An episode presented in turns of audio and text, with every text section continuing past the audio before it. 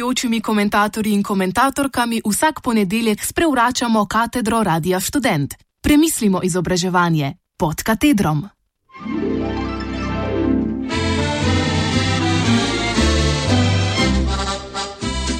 Pisa in pismenost.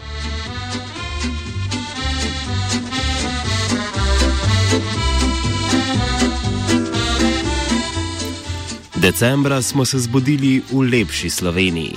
Ne za voljo modičeve kozmične instalacije ali vse splošnega veselo prazničnega rajanja, ampak zaradi dobrih slovenskih rezultatov na testu PISA.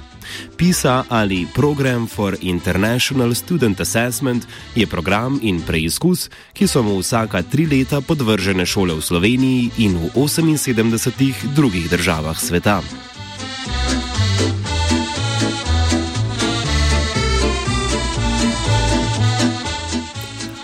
Rezultati so pokazali, da so 15-letniki letos pametnejši kot tisti izpred treh generacij, da so napredovali v matematiki in bralni pismenosti in da smo, po mnenju OECD, 15. najbolj perspektiven narod na svetu. Kljub dobri novici, odzivi niso bili enotni. Po zadovoljnem uvodniku je večina medijev prispevek sklenila s kritičnim podarkom.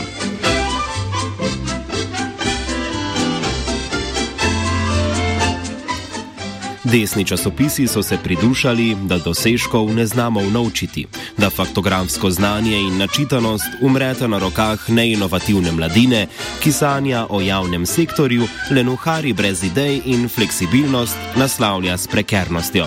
Zapisali so, da je rezultat odličen.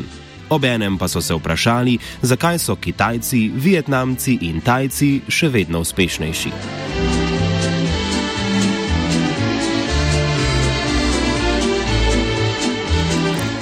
Levi mediji so vzkliknili klasični hurra, a obenem podarili, da PISA ne meri neenakosti v izobraževanju in ne vzame v zakup določenih skupnosti in manjšin. Poleg tega je merilo v rokah OECD-ja sporno, pa naj nam gre še tako dobro. Izobraževanje, ki ga merijo v gospodarstvene namene, ni vredno svojega imena. Zatorej, dol z meritvami.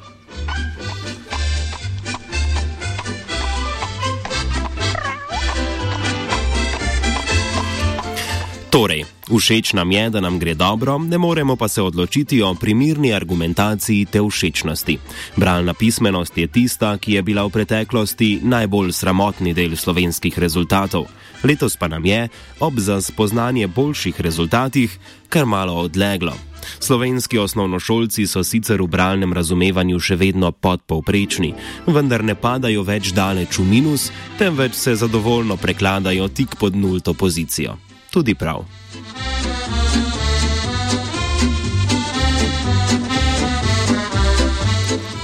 V letu 2012, ko so bili rezultati bolj porazni, so se na čole zgrnili strokovnjaki. Predvsem na tiste, ki z NPZ-je oziroma ki NPZ-je oziroma teste nacionalnega preverjanja znanja rešujejo šepavo, najpogosteje v bolj odročnih regijah. Tam so vodili projekte, ki malčke posiljujejo s slikanicami, otroke pa z želvakom Frančkom. Za obranje zbirajo nalepke in sončke, pikice in medalje, priznanja in trepljaje po ramenih. V treh letih se na naši minimalni šolski populaciji, ki je v primerjavi s Kitajsko zares neznatna, prizadevanja pač poznajo. Lepo.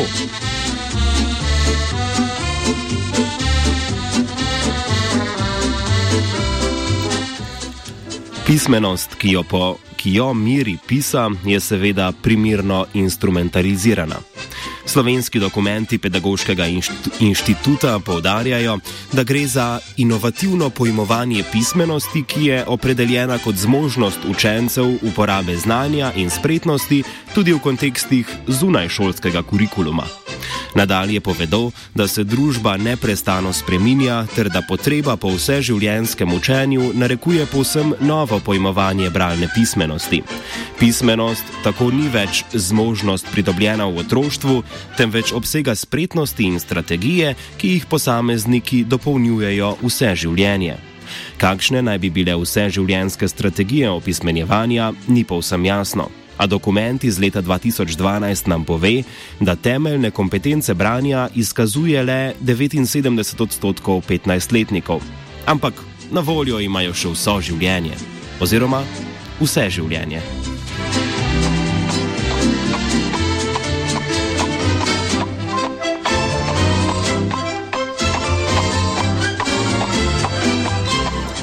Dokumenti nam razložijo tudi, da gre pri pismenosti, pismenosti predvsem za učenčevo samo motivacijo in lastno učinkovitost. Na zadnje se izkaže, da v pisi, ki je v splošnem bolj naklonjen naravoslovnim kompetencam, branje svoje mesto najde zgolj kot vazal utilitarizma. Uspešnost pri branju predstavlja podlago za dosežke na drugih področjih in za uspešno delovanje v odraslem življenju, pravi poročilo Pedagoškega inštituta. Ne na zadnje, bralna pismenost omogoča prebiranje matematičnih nalog, kar jo rešuje pred raziskovalno eliminacijo. Pisam, sploh pri vprašanju pismenosti, pokaže svoj dvoumni obraz. Svet razčleni na merljive podenote, ki ustrezajo paradigmi tekmovalnosti in gospodarskega razvoja. Opismenjevanje v takem svetu zauzame posebno, nekoliko schizofreno pozicijo. Pismenost dobi smisel šele v funkcionalni navezavi na svoj predmet, ni pa več smiselna sama na sebi kot gola vednost. Paradigmatski aparat, kakršnega predstavlja tudi PISA, se je po našem šolskem prostoru razlezel skoraj mimo grede, še v času pred devetletkom. To je okvir, ki omogoča učne načrte sodobne slovenske šole. V njih je, posebno pri družboslovnih predmetih, mogoče najti domiselne točke in podtočke členitve zahtevanih znanj. Tako lahko v prvi triadi od učencev pri slovenščini pričakujemo, da skladensko zmožnost dokažejo tako, da v pomensko in oblikovno pravilnih povedih izrazijo količino biti oziroma predmetov v svoji okolici ali na sliki, njihov položaj, premikanje ali stopnjo lastnosti. Pazite se biti in stopen njihovih lastnosti.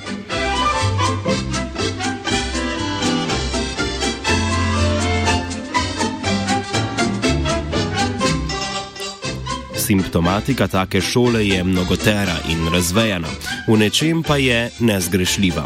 Ob poskusih didaktične znanosti se oddaljuje tako od učencev kot od učiteljev kot ugotavlja ravnatelj osnovne šole Prule Dušan Merc. Znanosti, slavistika in pedagogika, didaktika in specialna didaktika za slovenščino dokazujejo, da so se tako strokovno in znanstveno razvile, da za osnovno šolo pač niso sposobne zagotoviti in napisati uresničljivega učnega načrta. Očitno pa je znanost tako napredovala tudi na tem področju, da ji ne učitelji, ne učenci ne morejo slediti. V učnem načrtu je izmišljena znanost namreč močnejša od ljudi, ki jo učijo in ki, si, ki se je učijo. Zdaj so cilji po tej znanstveni znanosti znanstvenikov visoki in plemeniti, nerazumljivi in smešni, slovenščina pa uboga in šipka. Sedani učni načrt zahteva njeno ukinitev.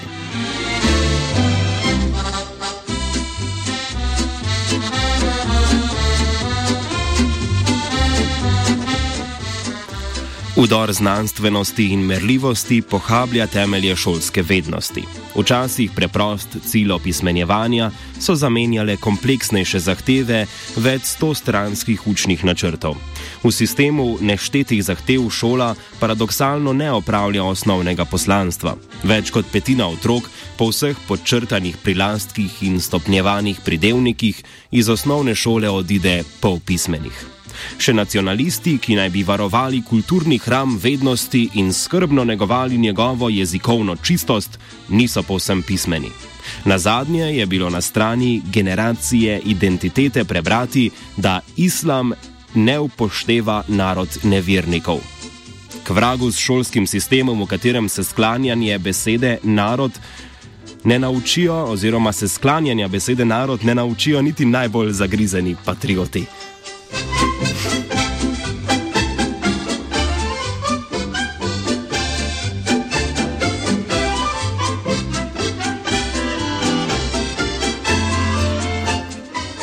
Kljub temu, da nam OECD sporoča napredek, v šolah opažajo slabo bralno razumevanje, učitelji pa se krivijo nad formulari. In ne nazadnje, kljub floti bralnih motivatorjev se nam primeri, da otroci veselje do branja izgubijo, še preden so resnično pismeni. Do devetega razreda kislo prekladajo v rokah cankarja in voranca, vsake toliko v duhu približevanja mladini, celo jadrana krta. Do gimnazije, do književnosti pristopajo tako otopelo, da niti ne trznejo, ko ojdib spi z lastno materjo, ne točijo sous ob usodi gospe Bovari in ne čutijo kosovelovega krasa.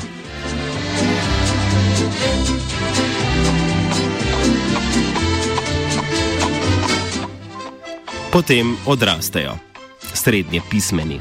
Menijo, da so brižinski spomeniki iz leta 200, da je lakotnik samo na pudingu in Shakespeare iz Amerike.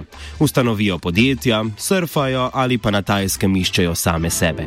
Verjetno nekega lepega dne ugotovijo, da je njihovo življenje precej fascinantno, da morajo o njem napisati knjigo in jo izdati v samo založbi. Zgodi se, da odrasli ljudje ob svojih fragmentiranih, nedodelanih tekstih dobimo občutek celovitosti, smiselnosti in nekakšne samonikle genialnosti.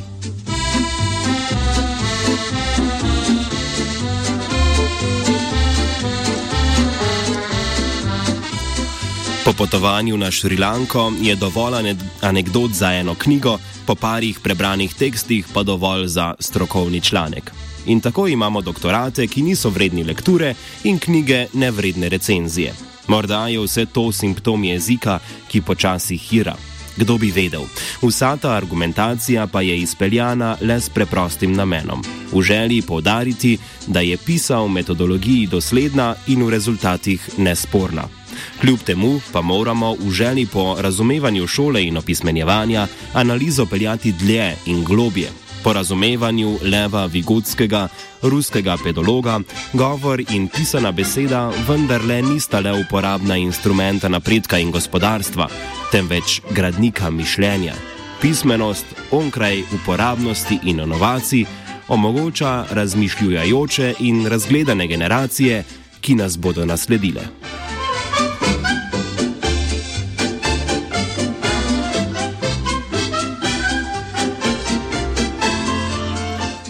Pisala je Lucija Klun.